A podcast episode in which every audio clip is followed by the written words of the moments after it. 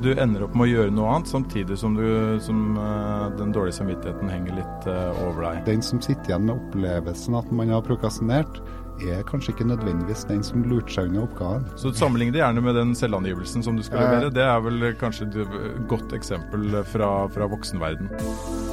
Fagbokpodden Fokus er laget i samarbeid med Gyldendal. Praktisk eh, organisasjonspsykologi så kommer vi inn på et ord her som er Det er et veldig fint ord på, et, eh, på noe jeg eh, definitivt har levd med et liv. Prokrastinering. Det handler altså om å utsette ting. Mm. Og Jonas, ja. driver du med det? Absolutt, det, det, gjør jeg. Uh, og det, det, handler jo om vanemessig utsettelse. Sant? At uh, det, Du utsetter egentlig en oppgave du har sagt at du skal gjøre, ja. men likevel, av en eller annen grunn, så, så, venter du med å gjennomføre den. Ja, ikke sant. Mm. Jeg kan ha det med selvangivelsen, ha det med leksene på skolen. Vi har fått en ny gjest også. Jan Ole Hesselberg, du er psykologspesialist. Du er også kjent fra både NRK og TV Norge. Eh, hva er prokrastinering? Egentlig? Hva er det vi driver med når vi gjør det der? Det er jo, som Jonas er inne på, det er jo å utsette en oppgave som du har både sagt til deg selv eh, og til andre at du tenker at du skal gjennomføre. Men, ja, men hvorfor skjer det? Det er jo fordi eh, det koster deg masse energi eh, å gjennomføre det. Og samtidig så gjør du en vurdering av at du har muligheten til å gjøre det på et uh, senere tidspunkt. Det er fortsatt et rom, ikke sant. Du vet at det ikke er helt ideelt, men du, men du tenker at det fortsatt er rom for å, å utsette det. Så det er nok noe vi opplever alle sammen relativt uh, ofte i varierende grad. Det er det normalt. Der må jeg ta meg selv som et eksempel. Altså, jeg sitter og på en måte prioriterer det å kose meg og slappe av og skyver en oppgave foran meg, mens jeg egentlig bygger opp et ganske massivt stress over å ikke komme i gang. Mm. Så jeg har jo ikke noe bra der jeg sitter heller. Så jeg føler at det er en eller annen form for sånn psykologisk knipe jeg er i. Kom, det er et eller annet der som er litt sånn ugreit. Det er jo helt åpenbart eh, en ganske stor eh, kostnad ved det. Det er jo som du beskriver, ikke sant. Du kan ta den beslutningen, du ønsker å gjøre noe annet, men det er jo ikke Det etterfølges jo ikke alltid av en lettelse. Det er jo ikke sånn at ah, nå slipper jeg å gjøre den oppgaven nå. Du ender opp med å gjøre noe annet, samtidig som, du, som den dårlige samvittigheten henger litt over deg. Eller i hvert fall kommer tilbake på et litt senere tidspunkt. Da, og det er jo noe av det som bidrar til en, uh, det stresset. Og så er det en ting som jeg får inntrykk av og til, og det er dette her er jo noe som man gjerne blir presentert for at man driver med av sine foreldre når man er barn. Mm. Som det kobles veldig til skole for mange, tror jeg. Lekser, innleveringer, den type ting. Men, mm. men er, det, er, det, spesielt for uh, barn og unge og studenter, eller gjelder det statsminister og andre også? Det er i hvert fall mest utforska, blant, spesielt blant studenter. For, for, oss barn så er, så er, det ofte en ytre struktur. I hvert fall eh, foreldre sier at du må gjøre, gjennomføre leksa di. Lærerne er mye tettere på. Mm. Mens når du havner i studenttilværelsen, så, så har du mye mer eh, innvirkning på din egen hverdag. Mm. Så du, du, har eh, medbestemmelses, eller du bestemmer over det, hva du skal bruke tida di på. Det er da selvkontrollen blir satt på prøve. Og Det er gjerne da også det påvirker om hvorvidt du velger å utsette en oppgave eller ikke. Med ytre struktur, noen som sier sett klare frister til deg og når du skal gjennomføre det, mm. sånn som en elev på en skole, da er det kanskje litt enklere å ikke ty til det. Eller en arbeidsgiver. Ja. Uh, og det er jo i studenttilværelsen eller uh, i studentsituasjonen så har du jo uh, en god del frister som ligger et godt stykke fram i tid. Du har en eksamen som ligger i enden av semesteret, og så bygger hele semesteret opp til, til den eksamen eller en innlevering som ligger på slutten. mens i arbeidslivet så er det jo mye oftere kortere frister på oppgavene, så du har ikke det samme potensialet egentlig for å kunne utsette like mye og ikke like store oppgaver da.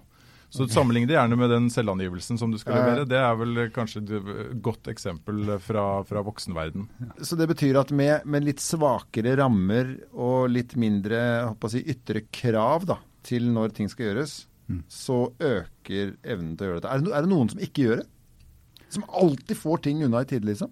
Det er jo noen som, altså Hvis du går inn på personlige egenskaper og personlighetstrekk, da, så er det jo noen som er mye mer planmessig eller eh, har evnen til å danne struktur for seg sjøl og gjennomføre oppgaven når man har sagt at man skal gjøre dem. Mm. Og dem er jo da flinkere på å ikke prokrastinere. Men så har du sånne personer sånn som meg, da, eh, som på mange måter eh, må kanskje eh, lage en eller annen form for sikkerhetsmekanisme. At noen andre kommer og sier har du gjort det her eller ikke. Mm. Eh, så at eh, du er jo planmessig, du ender opp med å være ganske planmessig likevel, men du må benytte deg av folk rundt som har mer selvkontroll enn deg sjøl. Når vi gjør dette, er det utelukkende koblet til at vi føler et ubehag med det vi skal gjøre, eller er det andre ting? Altså det er, jo en, er jo en konflikt da, som regel når vi står overfor en uh, oppgave. Så er det jo uh, Vi har et potensial for å gjøre veldig mange andre ting. Ja, uh, som vi har lyst til, kanskje? Ja, og det, sånn er det jo i, en, i enhver situasjon, egentlig. Du kan gjøre andre ting. Du kan trene, du kan sette deg ned og se på noe på Netflix, du kan gå en tur. Altså, så, så, alternativene finnes alltid.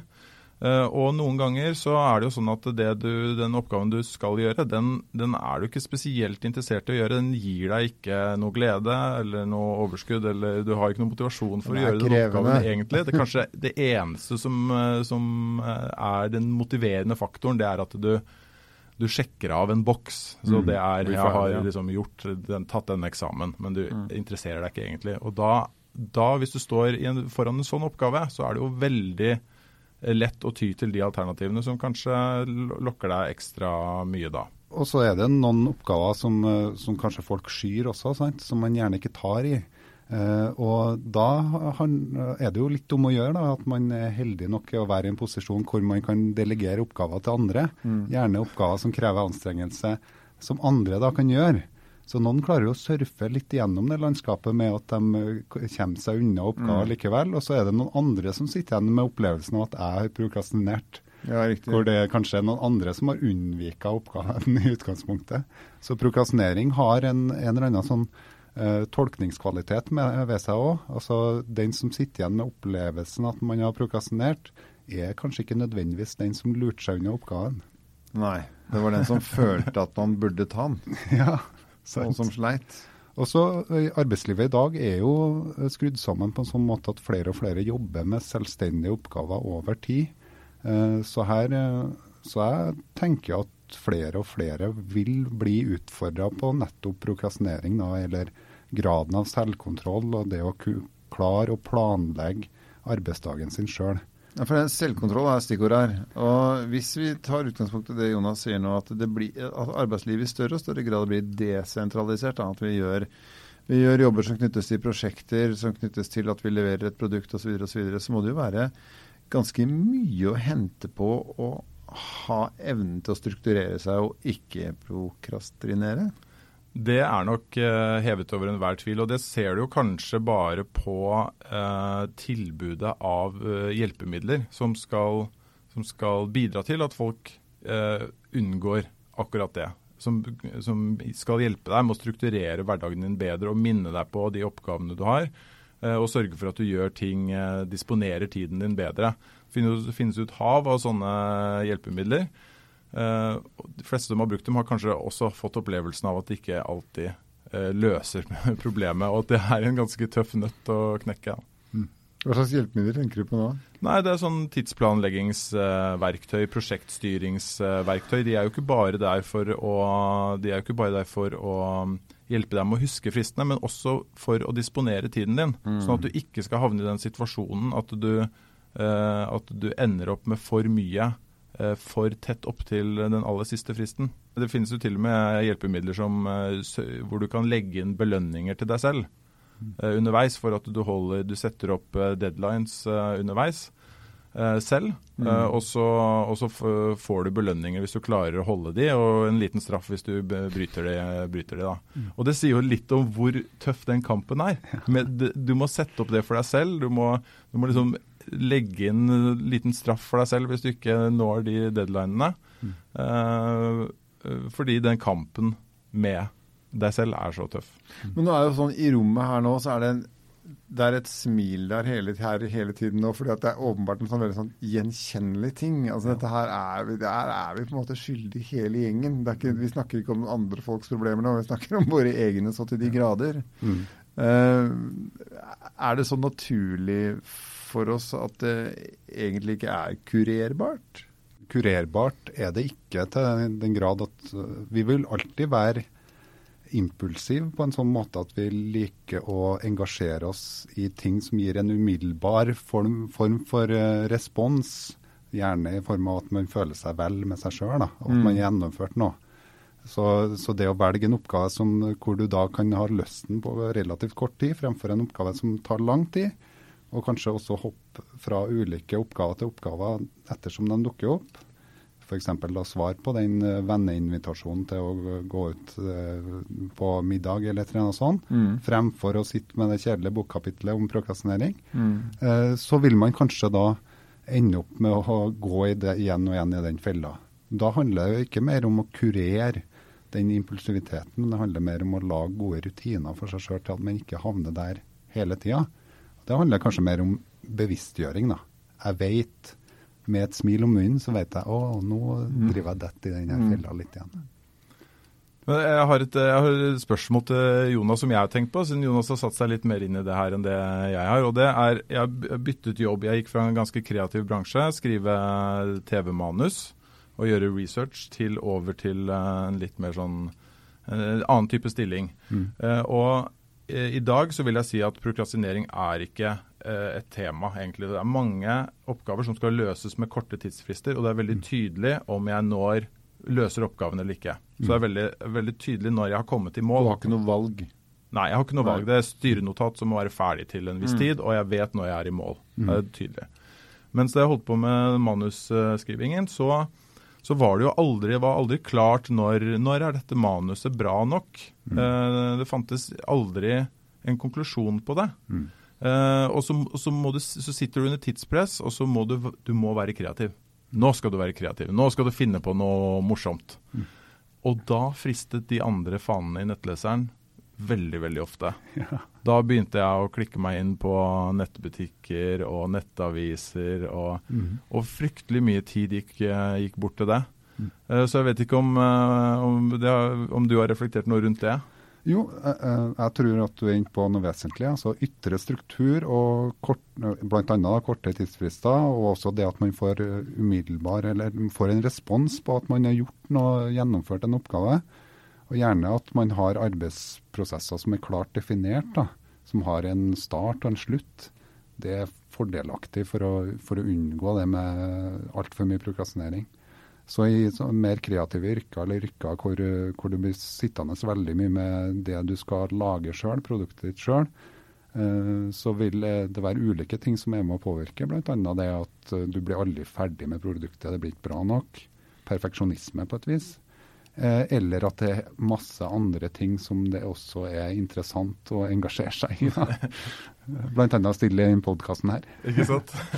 at man blir forstyrret, rett og slett. Mm. Men dette må jo være viktig for, eh, for bedrifter og andre som, eh, som, skal ha oppgaver utført da, over, mm. over lang tid i et system. At man, at man, legger opp et opplegg som gjør at man nettopp får de rammene og får de der tingene. For jeg jeg merker jo at hvis jeg, hvis jeg får helt fri, så, så, gjør jeg dette i mye større grad enn hvis jeg ikke får det. Ja. Jeg har liksom ikke godt av å bestemme helt selv. Da. Det er fælt å si det, men eh. Ja, at, der er også et aspekt, altså egen motivasjon. Altså det, det, det, å kunne få lov til å fordype seg i noe som man er interessert i sjøl, mm. Eh, det er nok et viktig aspekt i det hele òg. Med en gang det kommer noe utafra som sier at du skal gjennomføre det og det og det, du bør gjerne òg da være i et i en arbeidssituasjon hvor du faktisk er interessert i det du skal gjennomføre. Da. Eh, så det, I Jan Oles i tilfelle så betyr jo det at eh, mest sannsynlig så er de arbeidsoppgavene du gjør i jobben din også engasjerende for deg. Ja, Det glemte jeg å nevne. og Det er jo, det er nettopp det at jeg føler no, situasjonen jeg er i nå, så er jo ingen av de tingene jeg gjør, veldig veldig få av de tingene jeg gjør, eh, mistrives jeg med. Så Jeg liker de aller fleste oppgavene, så det er ikke noe problem å kaste seg, seg over det. Men det, sånn har det jo ikke alltid vært i alle jobbene jeg har vært i. Og det er helt åpenbart en ganske sterk faktor som driver prokrastinering. da. Det finnes utrolig mange mennesker som faktisk uh, motiveres av arbeidsoppgaver som en sjøl ikke nødvendigvis syns er så veldig motiverende.